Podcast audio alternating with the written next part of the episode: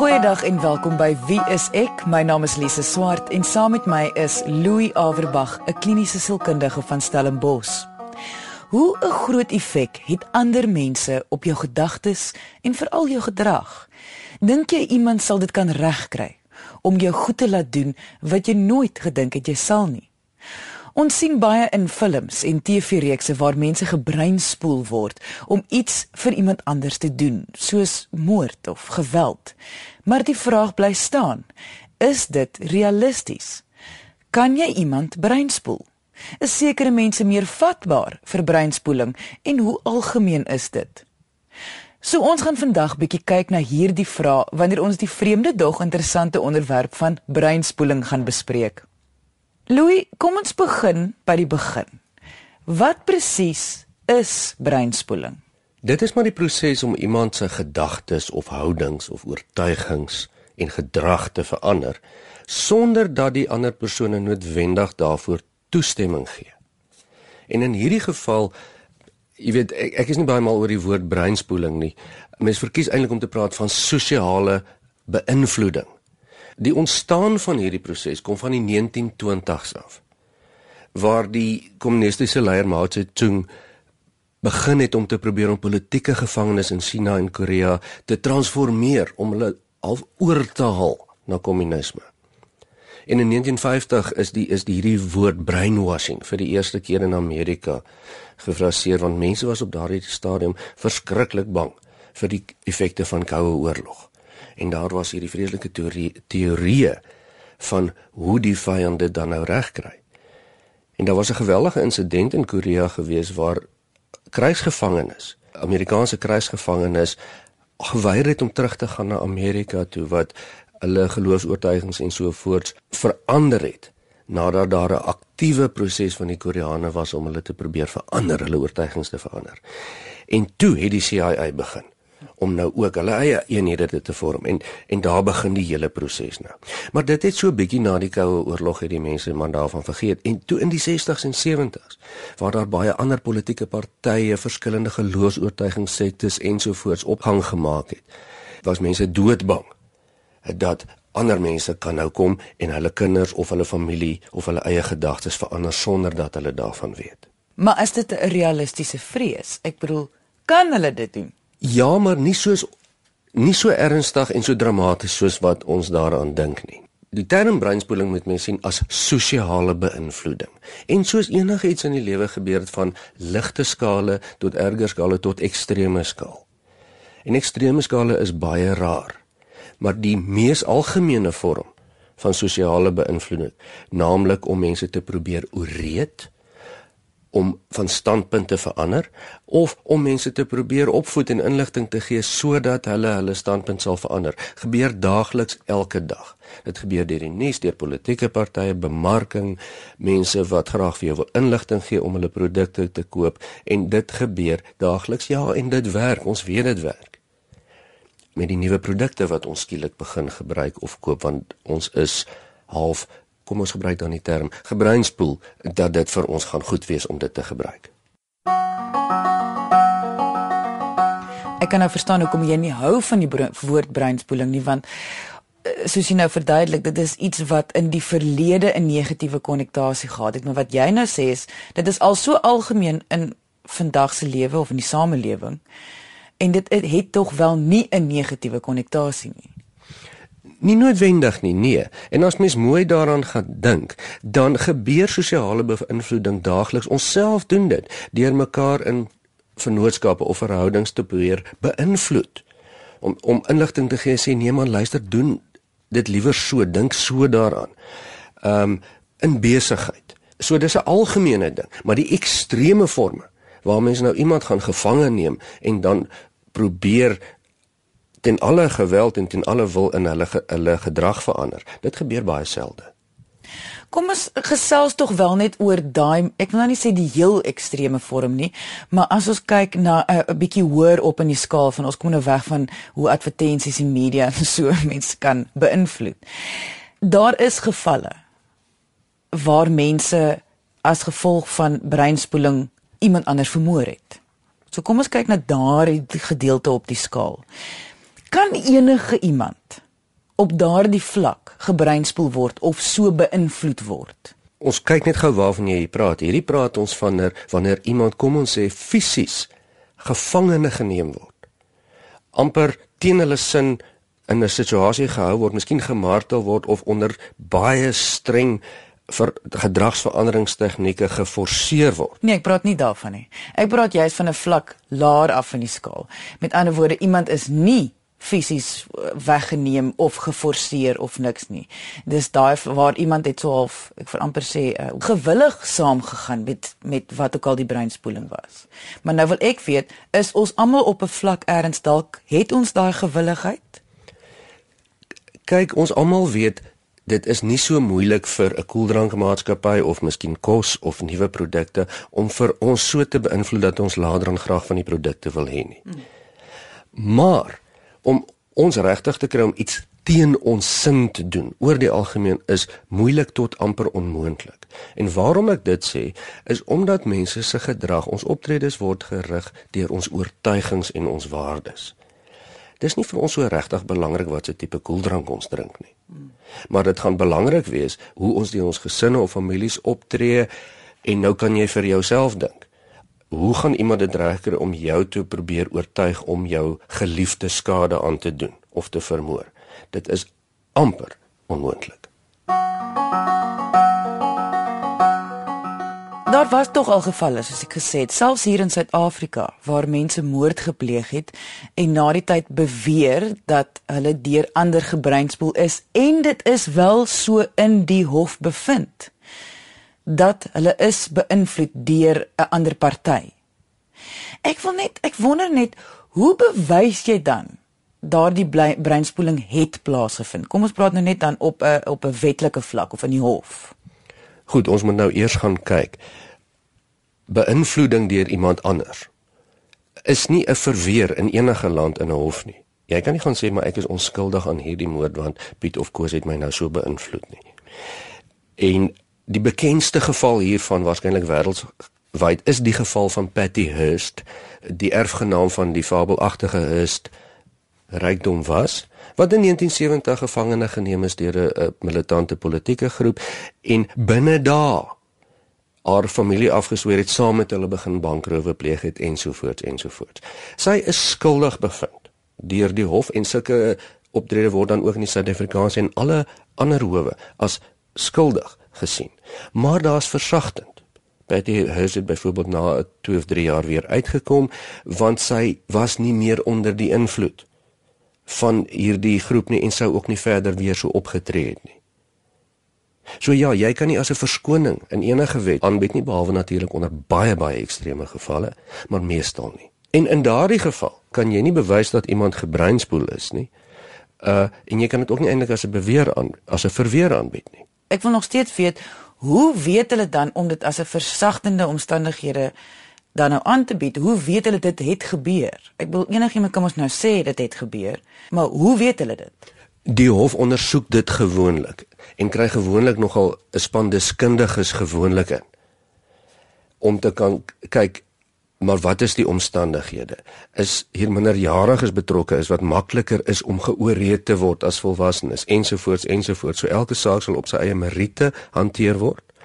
Wanneer dit kom by vonnisoplegging, soos in enige ander saak en enige ander omstandighede. Besef die persoon wat gebreinspoel is wat hulle doen.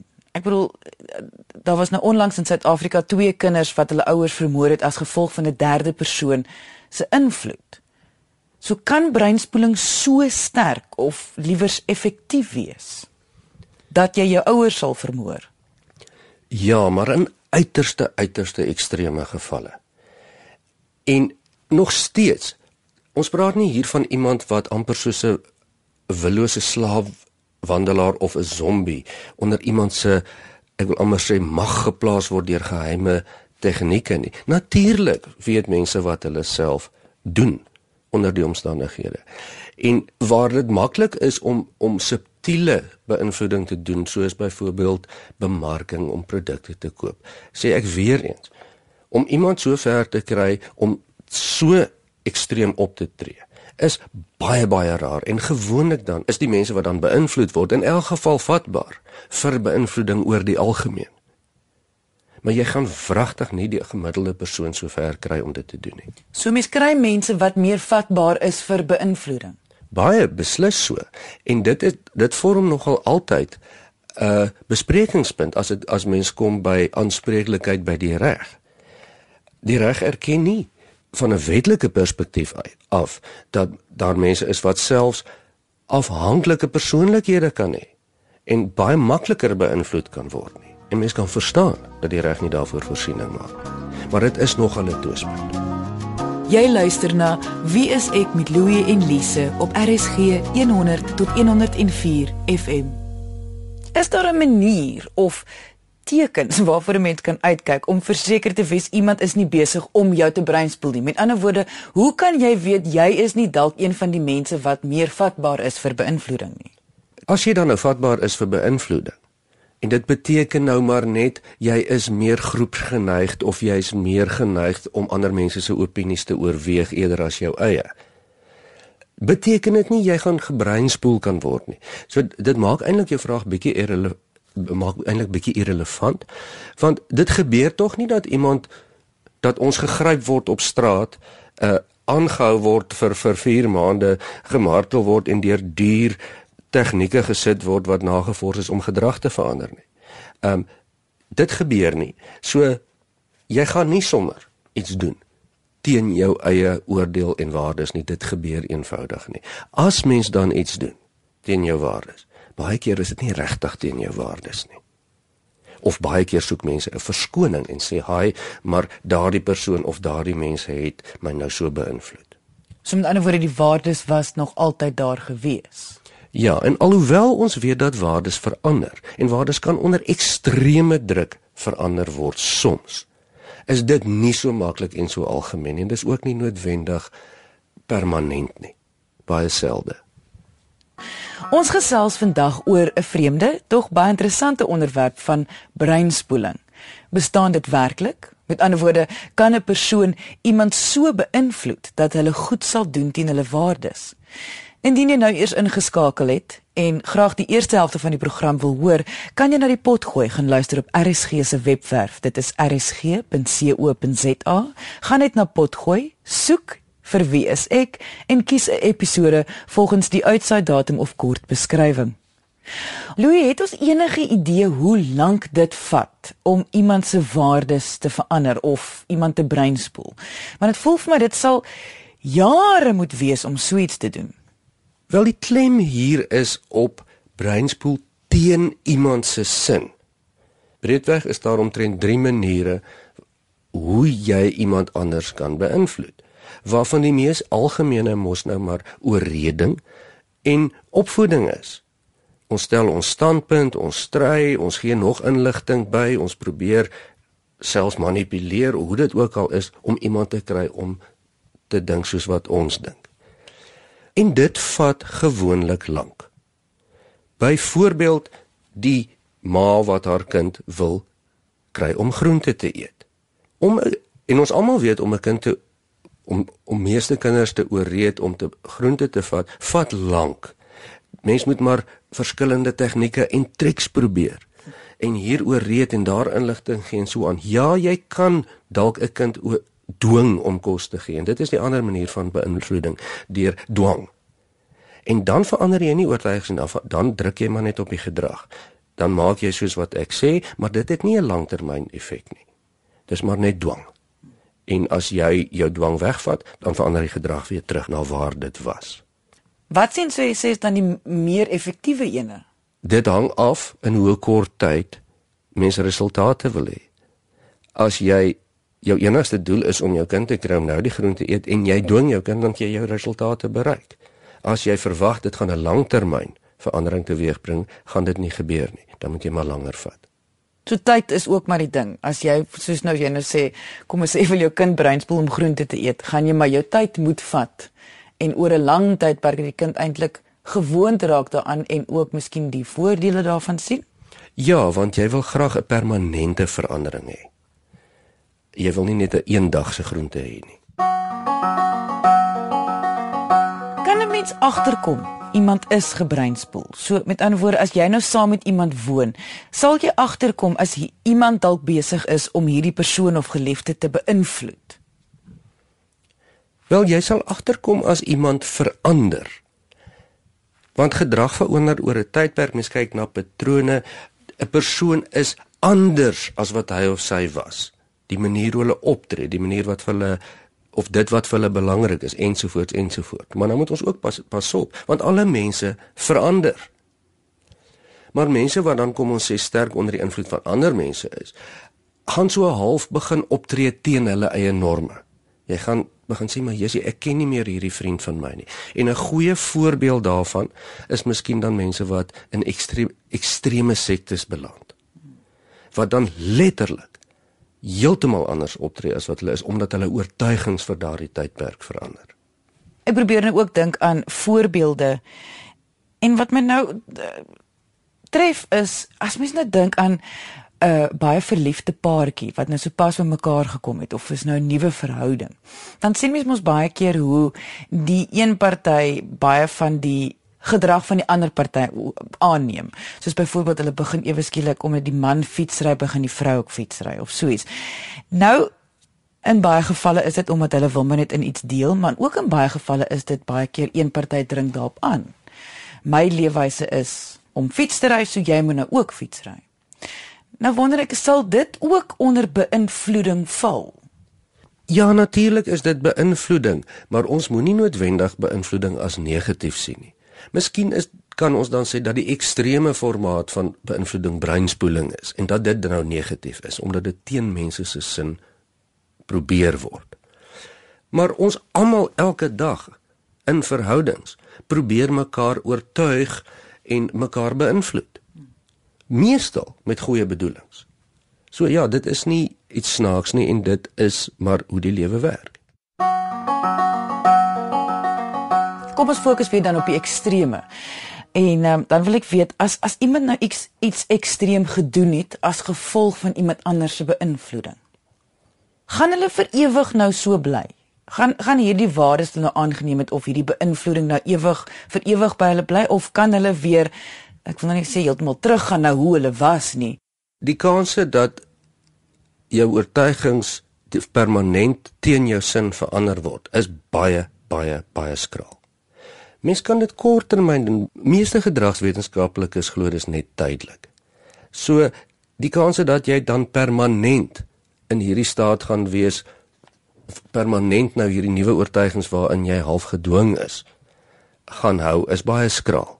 Heel waarskynlik sal dit weer terug verander na wat dit was.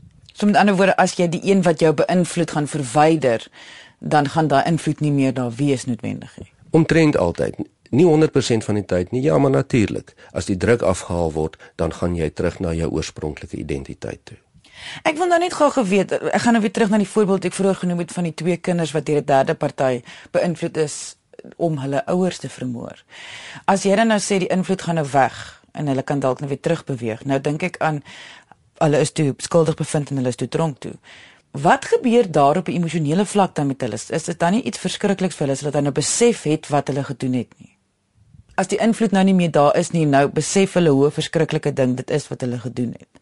Dit moet mos 'n aardige ding wees om te besef. As mens dan terugkeer na jou oorspronklike waardes en jy kyk weer van daar af, moet dit dan baie verskriklik wees, ja. Maar onthou hulle het nog altyd geweet wat hulle gedoen het. Dis nie asof hulle nou sogenaamde zombies is nie. Jy luister na Wie is ek met Louie en Lise op RSG 100 tot 104 FM. Nie dat ons nou enigiemand wil wys hoe om breinspoeling te doen nie.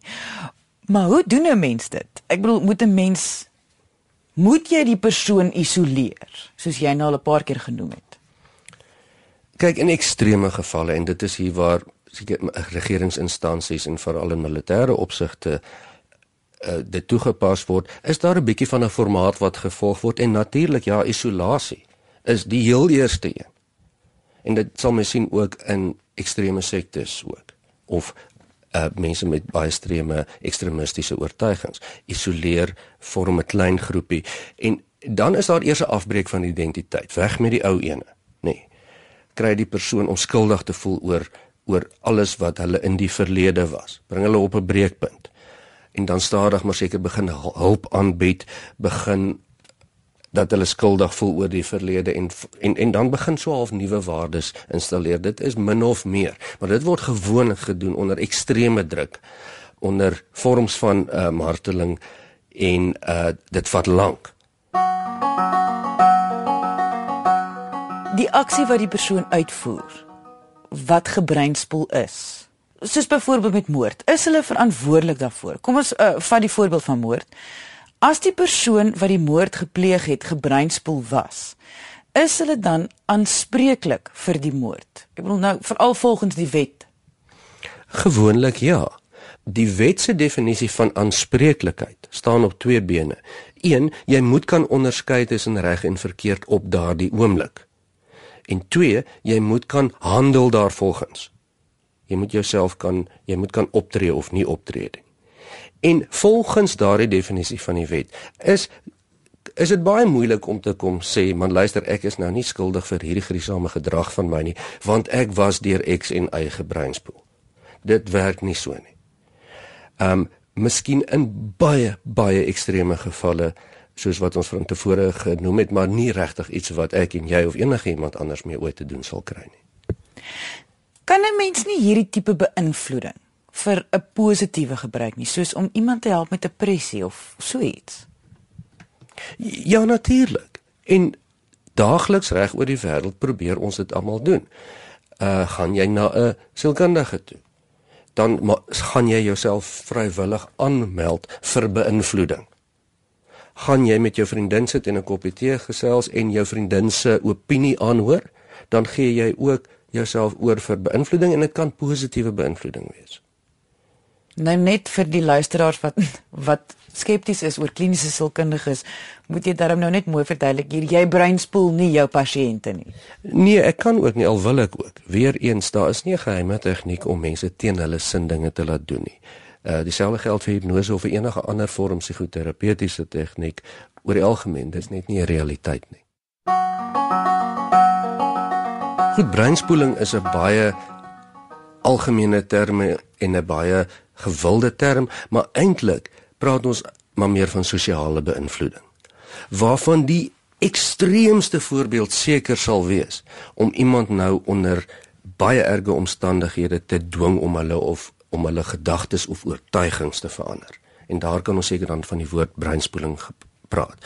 Oor die algemeen sê ons dat sosiale beïnvloeding in die vorm van oorreding in die vorm van opvoeding is maar meer die algemene formaat dit kom elke dag voor waar mense mekaar probeer beïnvloed.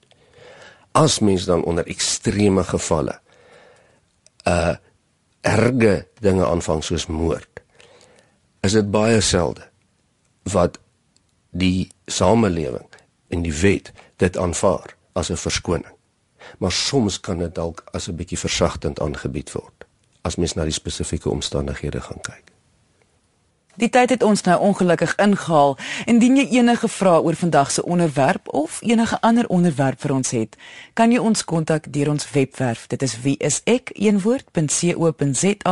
of kom gesels saam op ons Facebookblad onder wieisek met Louie en Lise. Baie dankie dat jy vandag ingeskakel het. Ons maak weer so volgende Vrydag 12:30 net hier op RSG. Jy moet 'n heerlike naweek hê en onthou, kyk mooi na jouself. Bye.